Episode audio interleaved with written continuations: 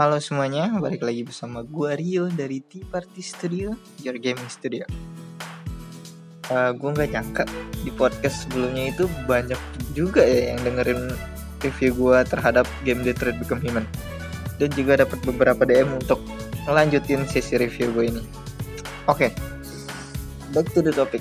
Kali ini gue mau ngasih full review dari game God of War 4 franchise eksklusif legendaris milik PS4. Mari kita bahas game ini secara lengkap. Gue mulai dari plot game ini dulu. Berkisah dari petualangan Kratos dan anaknya Atreus menebar abu jenazah di istri Kratos sekaligus ibu dari Atreus di puncak tertinggi 9 rel dan tentunya proses yang terkesan sederhana ini memiliki sekudang tantangan di perjalanannya.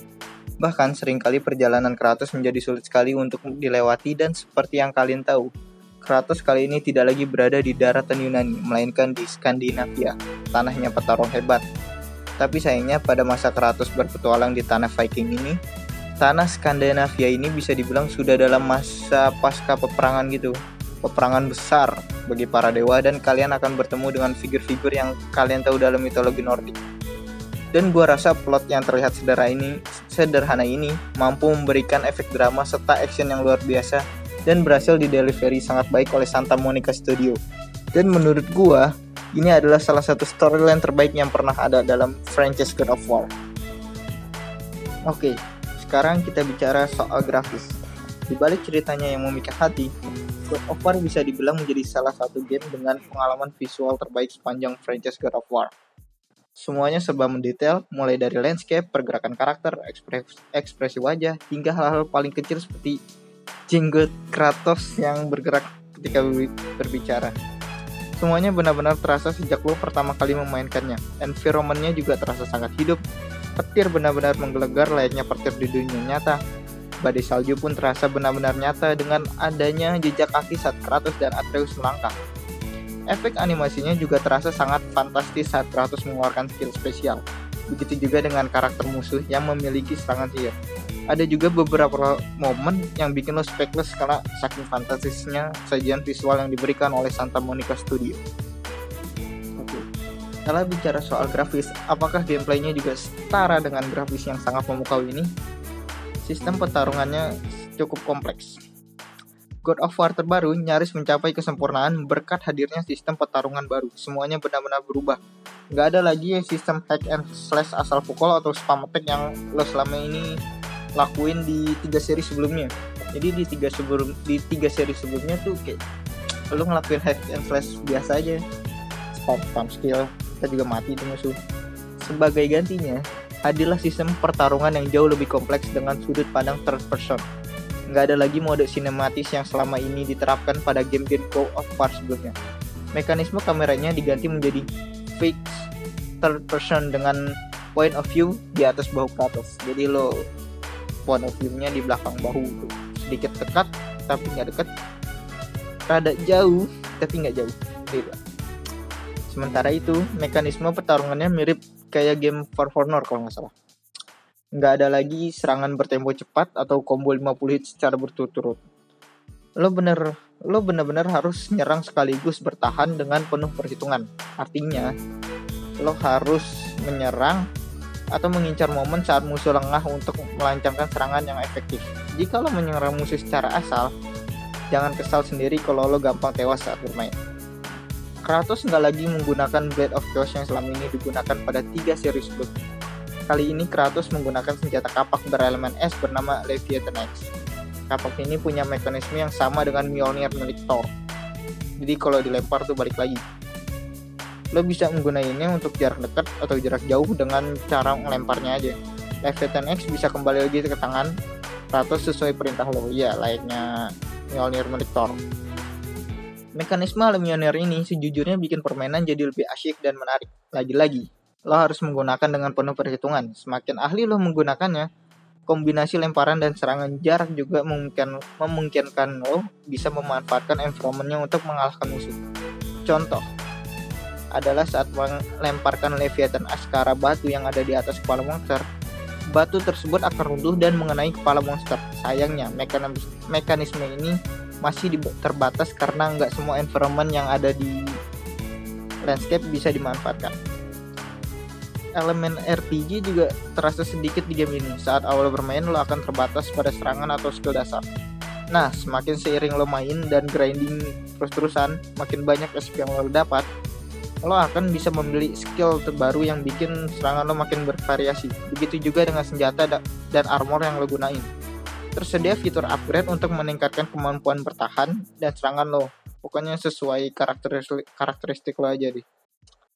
Ada senjata yang punya damage besar, ada juga yang defense-nya defense lebih besar. Sistem pertarungannya juga makin menarik dengan kehadiran Atreus. Sama dengan Kratos, kemampuannya juga bisa diupgrade dengan XP. Anak sang dewa perang ini benar-benar membantu lo nyelamatin hidup lo dalam pertarungan penting. Memang pada awalnya Atreus tuh cenderung nggak berguna, namun dia akan semakin gigi seiring proses lo dalam game. Lama kelamaan dia juga bahkan bisa ngelain musuh sendirian. Dia bahkan bisa menembakkan panah api atau panah listrik yang bisa nge musuh. Dan terkadang, Atreus ini bisa menjadi sebuah kunci kemenangan dalam melawan bos. Dan itu sering terjadi.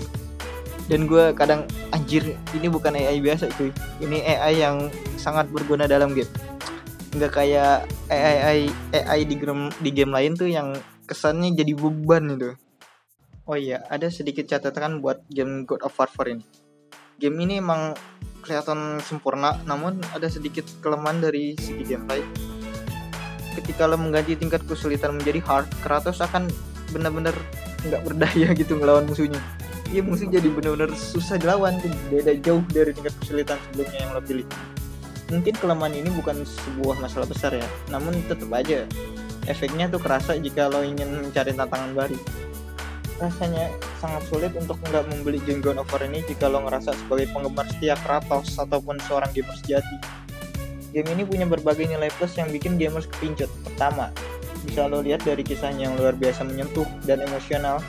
Keunggulan dari segi cerita ini didukung dengan gameplay yang benar-benar akan bikin lupa di grafis yang memukau juga akan memberikan lo pengalaman visual yang gak akan terlupakan. Jadi aneh rasanya jika lo terus-terusan khawatir jika franchise God of War ini keluar jalur gara-gara game terbarunya. Kalau lo masih berpendapat seperti itu, artinya lo nggak pernah mainin game ini atau cuma ikut-ikutan tren anti mainstream. Nah, selagi lo punya kesempatan untuk mendapatkan game ini, jangan ragu-ragu untuk memainkannya. Marilah tenggelam dalam kisah antara ayah dan anak dalam mitologi Nordik ini. Bicara ayah dan anak dalam mitologi Nordik, Ya, selain bertarung melawan musuh di game ini, Kratos pun dituntut harus melatih sang anak, Atreus, untuk bisa sehebat dirinya sebagai seorang ayah. Bisa dibilang Kratos cukup keras untuk mendidik anaknya dan sosok yang harus wajib dituruti kemampuan oleh anaknya. Akan tetapi, ayah tetaplah ayah, meskipun terlihat sangat keras kepada Atreus. Terkadang kamu juga bakal melihat sisi kasih sayang yang Kratos terhadap anaknya di di beberapa scene lu bakal ngelihat gimana Kratos ngemarin Atreus karena nggak bisa ngebidik buruan yang tepat nih. Di bagian-bagian lain, lu juga bisa ngelihat bagaimana Kratos khawatir dan menyembunyikan Atreus saat ada orang asing yang datang mulai mengobrak-abrik rumah Kratos. Hubungan ayah dan anak ini cukup mencampur aduk emosi, terutama gua. dan ya, bagi calon-calon bapak atau ayah di luar sana ada beberapa yang bisa dicontoh kok untuk mendidik anak laki-lakimu kelak seperti layaknya Kratos dan Atreus. Dan lo benar-benar akan terpuaskan secara visual saat bermain game ini. Namun hal tersebut datang dengan catatan God of War terbaru benar-benar memaksa PS4 atau bahkan PS4 lo itu bekerja sampai titik darah penghabisannya. Jadi jangan heran lo bakal ngelasin drop FPS saat bermain nanti. Tapi ingat, masalah ini bukan karena konsol lo, melainkan karena gamenya yang kelewat gokil. Ada sedikit gangguan buat gue. God of War bisa dibilang game yang sempurna yang gue mainkan, baik dari segi cerita, gameplay, grafis, hingga soundnya. Namun sayang, ada satu yang bikin gue keganggu banget, itu subtitlenya kecil gila anjing. Semua teks yang ada di dalam game ini ukurannya kecil parah coy, hingga menjadi PR tersendiri bagi gue untuk membacanya. Lagi untuk membaca subtitle yang tertulis langsung di layar tanpa adanya kontak dialog sehingga terkadang apabila cutscene yang terlalu terang bisa dipastikan gua atau mungkin juga lu, lu pada akan melotot player untuk membacanya mungkin pihak developer menjadikan teks kecil dan tanpa kotak dialog dengan alasan supaya gamer bisa menikmati setiap adegan di game ini secara maksimal. Layaknya menonton sebuah film, tanpa terganggu antar muka yang berlebihan. Tapi terlalu lama melotot sih lumayan bikin mata pegel cuy. Dan kesimpulannya, gue jamin kalian akan menyesal seumur hidup jika lo punya PS4 tapi nggak memainin game ini.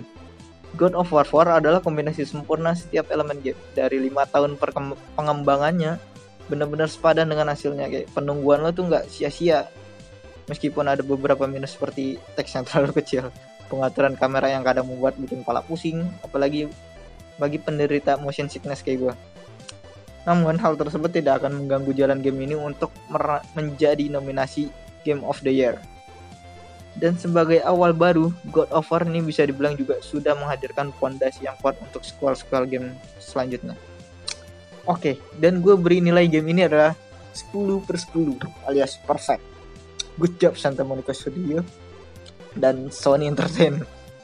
Oke, okay, itu aja untuk kali ini review gue terhadap game God of War 4. Semoga bisa membuat kalian mempertimbangkan apakah ingin membeli game ini atau enggak.